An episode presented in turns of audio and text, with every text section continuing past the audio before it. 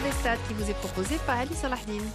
Le Tour des Stades revient sur une semaine pas comme les autres pour le Real Madrid. Pour le compte des quarts de finale, retour de la Copa del Rey, les merengues recevaient les Ganes au Santiago Bernabéu. Les hommes de Zinedine Zidane qui l'avaient emporté par un but à zéro à l'aller se sont fait surprendre par une valeureuse formation de Leganes qui a trouvé les ressources mentales et physiques nécessaires pour gagner au mythique stade du Real. Les merengues ont quitté la Coupe du Roi par la petite porte sous les sifflets du Santiago Bernabéu.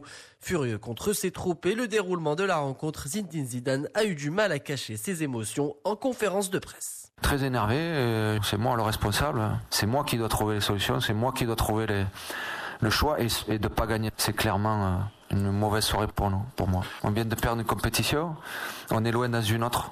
Et donc, euh, il nous reste la Champions League. Forcément, les objectifs ne sont pas ceux qui étaient, prévus, donc forcément, ça fait beaucoup. Maintenant, il reste des matchs, il reste, il reste des choses à faire, à assumer la situation, assumer dès déjà un match samedi pour préparer le 14. Une honte sinistre, une débâcle. La presse espagnole n'a de son côté pas été tendre suite à cette désillusion du Real. Et si le match de Liga contre le FC Valence à Mestalla avait tout d'une goutte qui pouvait faire déborder le vase de la Casablanca, le Real et Zinedine Zidane ont réussi à sortir la tête de l'eau pour ce choc de la 21e journée de Liga. Les Levantins aspiraient à battre un concurrent direct pour le podium et pour les places qualificatives pour la Ligue des Champions. Mais rien de tout cela ne s'est produit. Bousculé mais tenace, le Real Madrid est allé s'imposer à Valence par 4 buts à 1. Un succès qui permet aux merengues de revenir à deux points du podium. Distancé dans la course au titre et humilié mercredi en Coupe du Roi par la modeste équipe de Leganés, le Real de Zizou a réussi à stopper l'hémorragie au stade Mestalla grâce à Cristiano Ronaldo, auteur d'un doublé sur penalty et des réalisations de Marcelo et de Tony Kroos. Le Real Madrid a tout simplement été plus fort. Zinedine Zidane l'a cette fois confirmé en conférence de presse. Le problème du Real est avant tout un problème de confiance.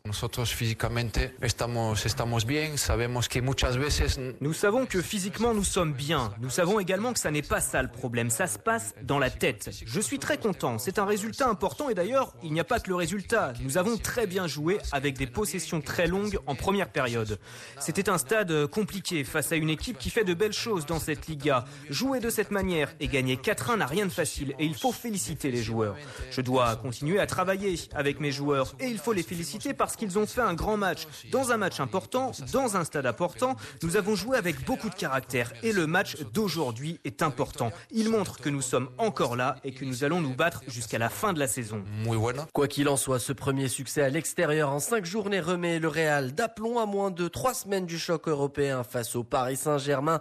Le club parisien qui s'est illustré samedi dernier au Parc des Princes, une victoire 4 à 0 face à Montpellier à l'occasion de la 23e journée de Ligue 1, avec un record, celui d'Edinson Cavani, devenu meilleur buteur de l'histoire du club de la capitale en ouvrant le score dès la 11e minute de jeu, une performance qui lui aura valu les éloges de ses coéquipiers, de son entraîneur et de son président Nasser El Khalifi, qui avait fait de l'arrivée d'Edinson Cavani à Paris en 2013 une priorité. Très important pour lui, pour le club, euh, mais euh, je suis très proche de tout le monde, de les joueurs, tout les joueurs, mais Eddie est vraiment un grand buteur, un grand attaquant, grand joueur, grand homme.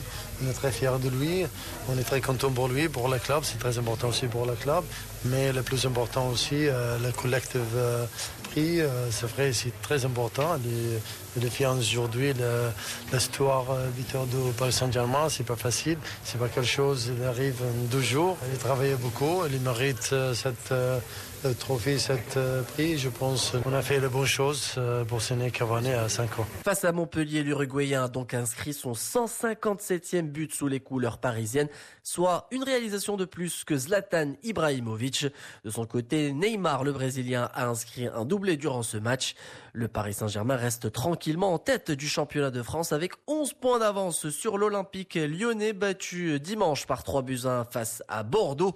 À plus de trois semaines des huitièmes de finale de la Ligue des Champions, le Real Madrid devra donc faire le plein de confiance avant de retrouver un Paris Saint-Germain condamné à aller le plus loin possible en C1.